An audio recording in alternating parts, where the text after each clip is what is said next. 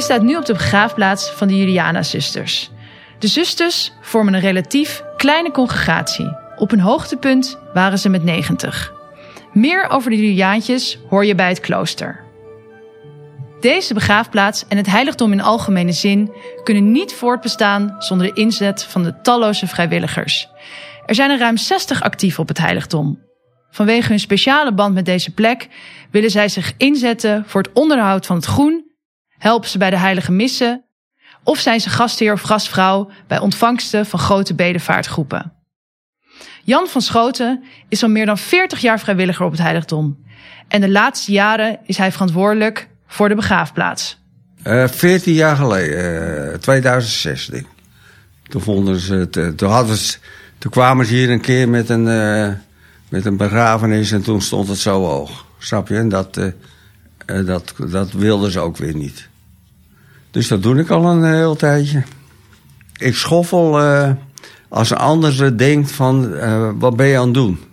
Als het plantje zo is dat hij nog geen zaad schiet, schoffel ik dat weg.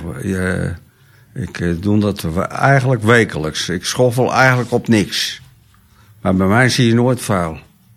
De band van Jan en zijn vrouw Wil met de Juliana-zusters gaat ver terug. Maar toen was er uh, tijd dat uh, uh, als je rijk was, dan ging alles. Maar als je anders een, kind moest krijgen, dan moest je maar zien hoe je het allemaal redde. En toen zijn eigenlijk die Juliaantjes zijn opgestaan.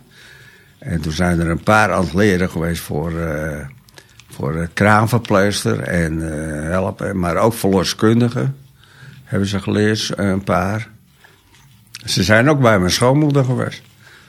Ook bij een geboorte.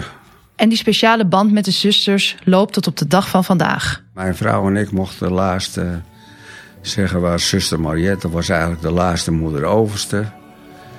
En toen mochten wij zeggen waar, ze, waar wij gedacht hebben om haar te begraven. Nou, ik zeg, daar legt uh, pater Jona. Dat is de oprichter van de congregatie. En daar legt de moeder overste de eerste. De, en dan vonden wij dat ze ertussen moest.